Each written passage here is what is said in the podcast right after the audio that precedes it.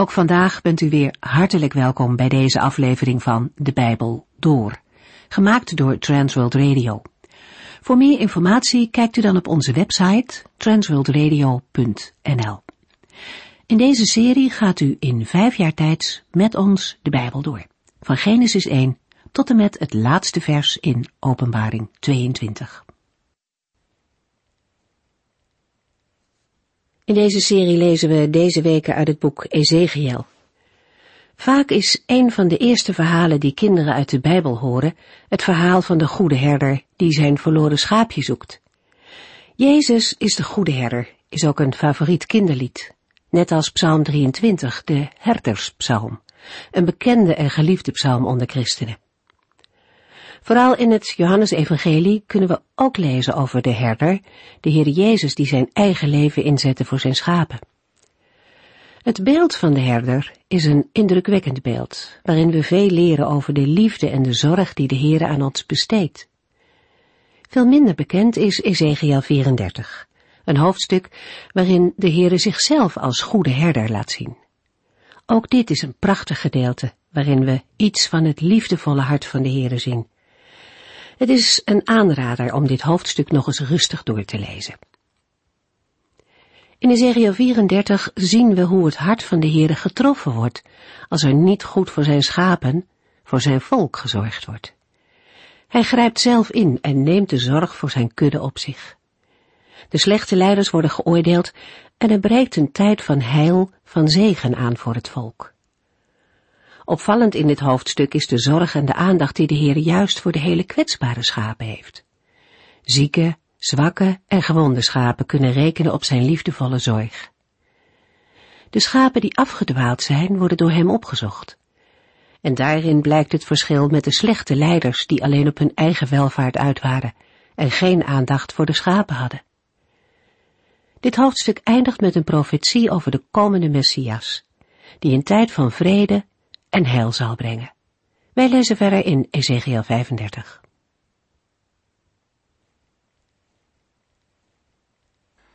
In deze uitzending gaan we lezen dat Ezekiel in de naam van de Heere het oordeel over Edom verkondigt. De eeuwen door hebben de Edomieten zich tegenover Israël vijandig gedragen. En met name bij de verwoesting van Jeruzalem heeft Edom zijn haat bekoeld op de vluchtelingen van Juda en Jeruzalem. Daarbij waren zij van mening dat het land Israël nu van hen zou worden, maar die verwachting zal voor Edom niet in vervulling gaan. Edom zal net als Israël een toonbeeld van verwoesting worden, zonder dat er uitzicht is op herstel en verlossing. Dat deze onheilsprofetie tegen Edom juist volgt op die van het herstel van Israël in Ezekiel 34 is niet vreemd. Ezekiel had ook in Ezekiel 25 al geprofiteerd tegen Edom. Maar in Ezekiel 35 wordt het nog eens extra benadrukt.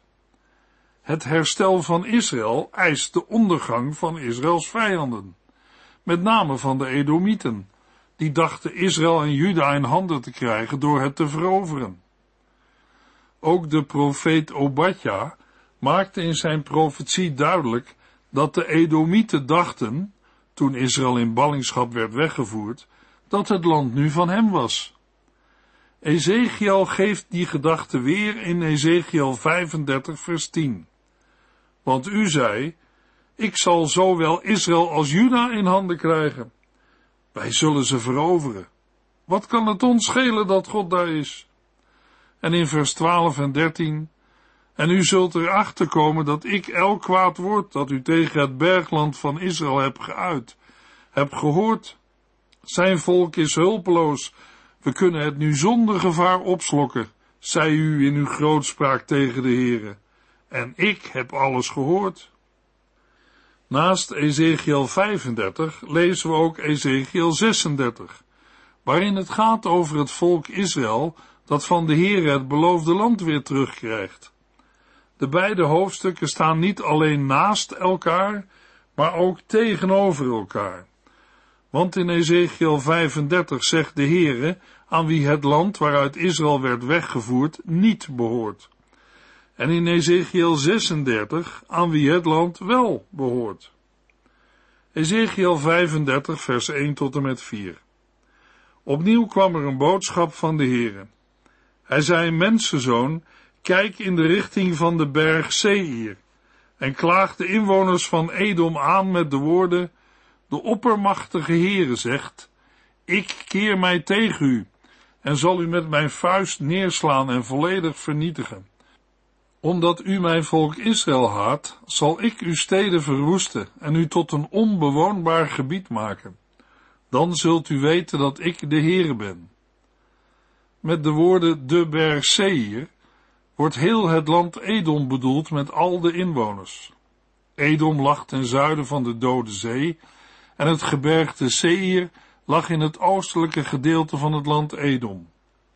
De haat van Edom tegen Israël vinden we onder andere verwoord in Psalm 137, vers 7, waar de ballingen in Babel aan de Heere vragen, neem wraak, Heere, op de Edomieten die Jeruzalem hebben verwoest. Zij zeiden tegen elkaar, wij breken die stad tot op de bodem af. In Ezekiel 25, vers 12 tot en met 14 lazen we al een profetie van de Heere over Edom. En de oppermachtige Heere vervolgt, omdat het volk van Edom zo enorm heeft gezondigd, door zich te wreken op het volk van Juda, zal ik Edom met mijn vuist neerslaan en haar volk en al het vee uitroeien. Het zwaard zal alles van Teman tot Dedan verwoesten. Dit zal gebeuren door de hand van mijn volk Israël. Edom zal mijn vreselijke wraak aan de lijve ondervinden. In Malachi 1 vers 2 tot en met 4 zegt de Heere tegen Israël over Edom, dat afstamde van Esau, Ik heb u innig lief gehad, zegt de Heere. O ja, wanneer dan, is uw antwoord? Ik toonde mijn liefde voor u door te houden van uw voorvader Jacob, antwoordt de Heere. Dat was mijn eigen keus. Ik heb zelfs zijn broer Esau gehaat en Esaus bergen en erfenis verwoest. Ik gaf het aan de jakhalzen in de woestijn. Als zijn nakomelingen zouden zeggen, wij willen deze puinhopen weer opbouwen, dan zou ik, de Heere van de hemelse legers, antwoorden, probeer het maar. Ik zal het werk weer vernietigen, want hun land heet land van de wetteloosheid, en hun volk, volk waarop de Heere voor altijd toornig is. Uit de geschiedenis weten wij dat in de tijd van de Maccabeeën Edom door Israël is veroverd. Ezekiel 35 vers 5 U bent altijd al vijanden van Israël geweest en hebt hen overgeleverd aan oorlogsgeweld toen er met Israël werd afgerekend. Dat Edom altijd al een vijand van Israël is geweest, blijkt al uit Genesis 27 waar Ezo bij zichzelf dacht, vader zal wel snel sterven, en dan kan ik Jacob doden. In de profetie van de Heer aan Obadja krijgen we nog meer achtergrondinformatie over de haat van Edom. U hebt uw broeder Israël vreselijke dingen aangedaan. U was geen haar beter dan al die vijanden. Dat had u niet moeten doen. U had geen leedvermaak mogen hebben toen zij uw broeder naar vreemde landen wegvoerden. U had zich niet mogen verheugen over zijn ongeluksdag. U had niet de spot met hem mogen drijven. Ezekiel 35, vers 6 tot en met 10. Zo waar ik leef, zegt de oppermachtige Heere, omdat u zo graag bloed ziet vloeien, zal ik u een bloedbad geven, maar dan wel van uw eigen bloed. Ik zal de bewoners van de berg Seir totaal uitroeien. En alle die proberen te ontsnappen of die terugkeren, zullen ook omkomen. Ik zal uw bergen vullen met doden. Uw heuvels en dalen zullen zijn gevuld met de slachtoffers van het zwaard. U zult nooit meer herleven. Voor altijd zult u verlaten liggen. Uw steden zullen nooit meer worden herbouwd. Dan zult u weten dat ik de Heere ben. Want u zei, ik zal zowel Israël als Juda in handen krijgen. Wij zullen ze veroveren. Wat kan het ons schelen dat God daar is? De verwoesting en uitroeiing van Edom zal radicaal en definitief zijn. De door de Heere aangevoerde bewijzen voor Edoms misdaden heeft geleid tot het vonnis van de rechter, de oppermachtige Heere. Dat vonnis moet worden uitgevoerd, opdat ook Edom zal weten dat ik de Heere ben. Van Edoms steden zal niets anders dan puinhopen overblijven, en het enige dat aan de inwoners herinnert, zijn de verbleekte beenderen die door heel het land verspreid zullen liggen. Uit vers 10 blijkt dat Edom van mening was het recht te hebben om het land van het broedervolk Israël in bezit te nemen. Maar Esau had zijn eerstgeboorterecht aan Jacob verkocht en gezworen dat hij alle rechten die hij als oudste zoon had, afstond aan Jacob. Daarbij komt nog dat in Genesis 36 te lezen is dat Esau met zijn vrouwen, kinderen, dieren en al zijn bezittingen naar het gebergte Seir is weggetrokken, omdat het land niet groot genoeg was om in alle behoeften van hun vee te voorzien. Bij al deze dingen is het belangrijkste dat de Heer het land aan Jacob en zijn nakomelingen had beloofd. En de Heere daar was. Daarvan zeiden de Edomieten, wat kan het ons schelen dat God daar is? Edom heeft er niet mee gerekend dat Israël het land van de Heer is. Onder andere in Psalm 132 heeft de Heere dat duidelijk aangegeven. Want de Heere heeft Jeruzalem uitgekozen. Daar wilde hij wonen. Hij zei, dit is de plaats waar ik altijd rust zal vinden. Hier wil ik graag wonen. De Heere blijft waken over zijn erfdeel. In Ezekiel 39 vers 23 en 24 geeft de Heere de echte reden aan. Niet omdat hij geen macht meer had, maar de ballingschap was een straf voor hun zonde, want zij waren ontrouw aan mij, hun God. Daarom keerde ik mij van hen af en liet toe dat hun vijanden hen in het nauw dreven en hen doden met het zwaard. Ik keerde mijn gezicht af en gaf hun een straf die paste bij de schaamteloosheid van hun zonde. In de versen 11 tot en met 14 lezen we het oordeel van de Heere over Edom. Vers 15 vat het samen met de woorden, U had plezier om Israëls lot, maar nu zal ik mij verheugen over het uwe. Uw land zal een woestijn worden. U zult worden weggevaagd, volk van het Seirgebergte en alle inwoners van Edom. Dan zult u moeten erkennen dat ik de Heer ben. De macht van de Heer is niet veranderd en hij beschermt zijn volk Israël. Hij straft op zijn tijd de belagers van zijn volk en doet hen ondergaan. In scherpe tegenstelling tot de profetie over Edom mag Ezekiel in Ezekiel 36 verkondigen dat de bergen van Israël weer bewoond en bebouwd zullen worden. Niet omdat de Israëlieten dit hebben verdiend, maar, zegt de Heere, ter wille van mijn heilige naam, die door mijn volk overal ter wereld ontheiligd is, zal ik ingrijpen. De Heere zal hen uit de ballingschap doen terugkeren in hun land. Hij zal hen reinigen van hun zonde, hun een nieuw hart geven en zijn geest in hen doen wonen. Daarna zullen zij in diep berouw over hun zonden hem gehoorzaam zijn en rijk door de Heere worden gezegend. Ezekiel 36 vers 1 tot en met 5 Mensenzoon, profeteer tegen de bergen van Israël Zeg hun dat zij moeten luisteren naar deze boodschap van de Heere. Uw vijanden hebben spottend om u gelachen en gezegd dat uw aloude bergtoppen hun eigendom waren. Van alle kanten verwoesten zij u en joegen u op als slaven naar vele landen. U werd belasterd en bespot. Daarom, bergen van Israël, moet u naar de woorden van de oppermachtige Heere luisteren.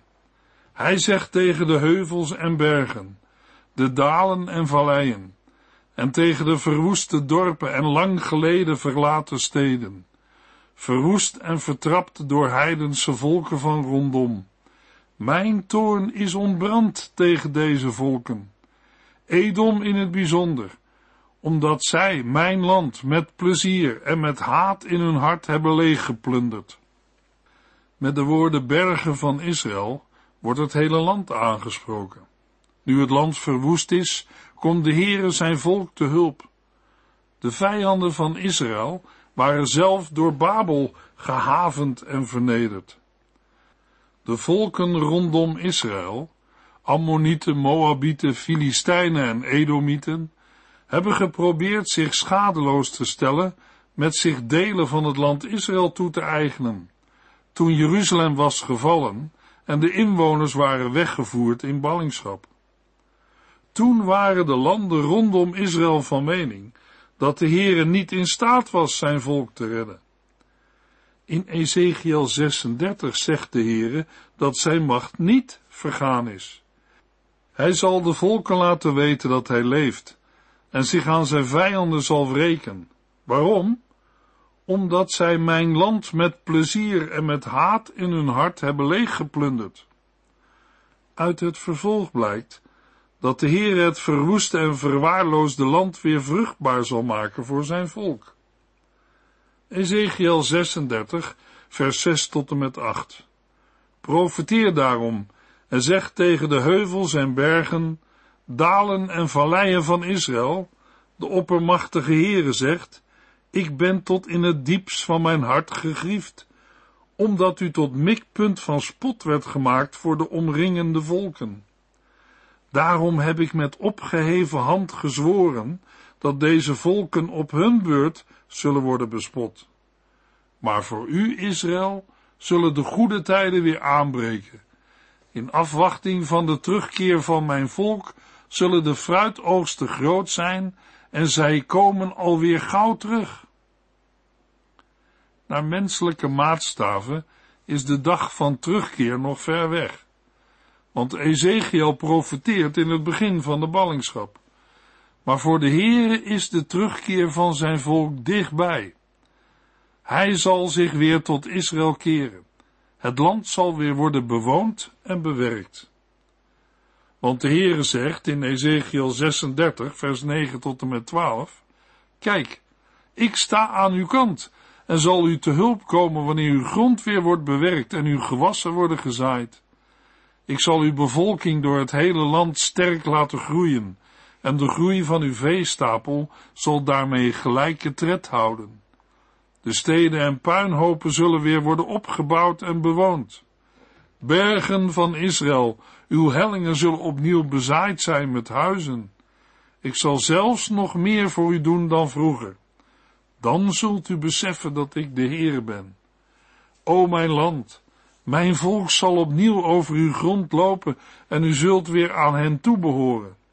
U zult niet langer de plaats zijn waar het leven van hun kinderen gevaar loopt. Uit alle stammen, zowel van Israël als van Juda, zullen de weggevoerden worden teruggebracht naar hun vaderland, en ze zullen uitgroeien tot een groot volk. Het teruggekeerde Israël wacht een toekomst, die de roemruchte dagen van David en Salomo in de schaduw zullen stellen. Niet de heidenen zullen het land bewonen, maar het volk Israël. Ezekiel 36, vers 13 tot en met 15. De oppermachtige Heere zegt, de andere volken beledigen u nu door te zeggen, Israël is een land dat zijn kinderen verslindt. Maar dit zullen zij niet lang meer zeggen. Het aantal geboorten zal stijgen en de kindersterfte zal sterk afnemen, zegt de Heer. De heidense volken zullen niet langer hatelijke opmerkingen tegen u maken, want door u zal mijn volk niet meer beroofd worden van zijn kinderen, zegt de oppermachtige Heer. Een land kan van zijn kinderen worden beroofd door bijvoorbeeld een hongersnood. De vruchtbaarheid van het land hangt af van de regen en de dauw. Als deze uitblijven, komt er honger en gebrek door mislukte oogsten. Ook andere rampen, bijvoorbeeld sprinkhanen, ziekte in gewassen of oorlogen, hadden vaak een hongersnood tot gevolg. Ezekiel 36, vers 16 tot en met 21. Toen gaf de Heere mij de volgende woorden door. Mensenzoon, toen het volk Israël nog in zijn eigen land woonde, verontreinigde het zijn land met wandaden. Zijn afgoderij was mij een doorn in het oog. De Israëlieten besmeurden het land met moord en afgodenverering, en daarom goot ik mijn toorn over hen uit. Ik verbande hen naar vele landen. Op die manier heb ik hen gestraft voor hun goddeloze levenswijze. Maar toen zij onder de volken waren verstrooid, brachten zij mijn heilige naam in opspraak, omdat de volken zeiden, dit zijn de onderdanen van God, en hij kon hen niet eens beschermen tegen het onheil. Ter wille van mijn heilige naam, die door mijn volk overal ter wereld ontheiligd is, zal ik ingrijpen.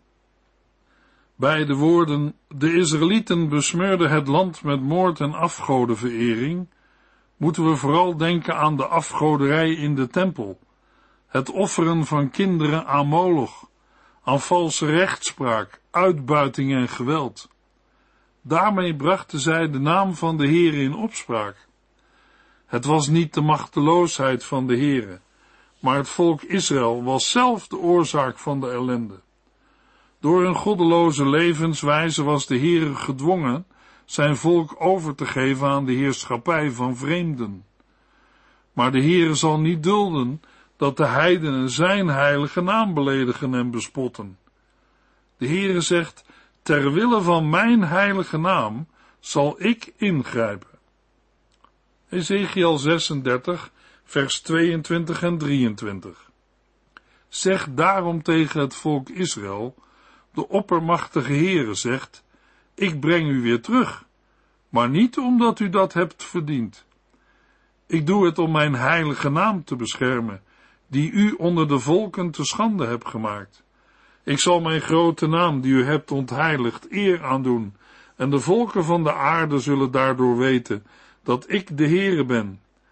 Ik zal in hun ogen worden geëerd door u te bevrijden uit de ballingschap. Want ik zal u weer terugbrengen naar uw vaderland, Israël. De grond voor Gods ontferming ligt niet in Israël zelf. Ook vandaag geldt dat de grond voor Gods liefde en ontferming nooit in de mens ligt over wie de Heere zich ontfermt. Wij, maar ook de Israëlieten, hebben alles gedaan om de genade en ontferming van de Heere niet te ontvangen. Dat de Heere Israël toch genade bewijst, komt omdat hij zijn eigen heilige naam wil beschermen. Daardoor wil de Heere Israël en alle andere volken laten zien en weten dat de Heere een God van waarheid en trouw is. In Psalm 115 vers 1 lezen we, Heere, wij verdienen geen eer, alleen uw naam komt alle eer toe vanwege uw goedheid, liefde en trouw. Ezekiel verkondigt de ballingen in Babel, een blijde boodschap, en heel de wereld zal het weten. De Heere zegt, ik zal in hun ogen worden geëerd door u te bevrijden uit de ballingschap, want ik zal u weer terugbrengen naar uw vaderland Israël. In de versen 25 tot en met 32 geeft de Heere rijke belofte aan een arm en afgedwaald volk. De Heere belooft Israël niet alleen fysiek te herstellen, maar ook geestelijk. Daartoe hebben de Israëlieten een nieuw hart nodig en moeten zij vol worden van de Heilige Geest. Het nieuwe verbond dat de Heer aan Israël beloofde, in Ezekiel 16 en 32, wordt nogmaals toegezegd en vindt in de Messias, in Jezus Christus, zijn volledige vervulling. In Ezekiel 36, vers 32 zegt de Heere, maar vergeet nooit dat ik dit niet doe ter wille van u, maar ter wille van mijzelf.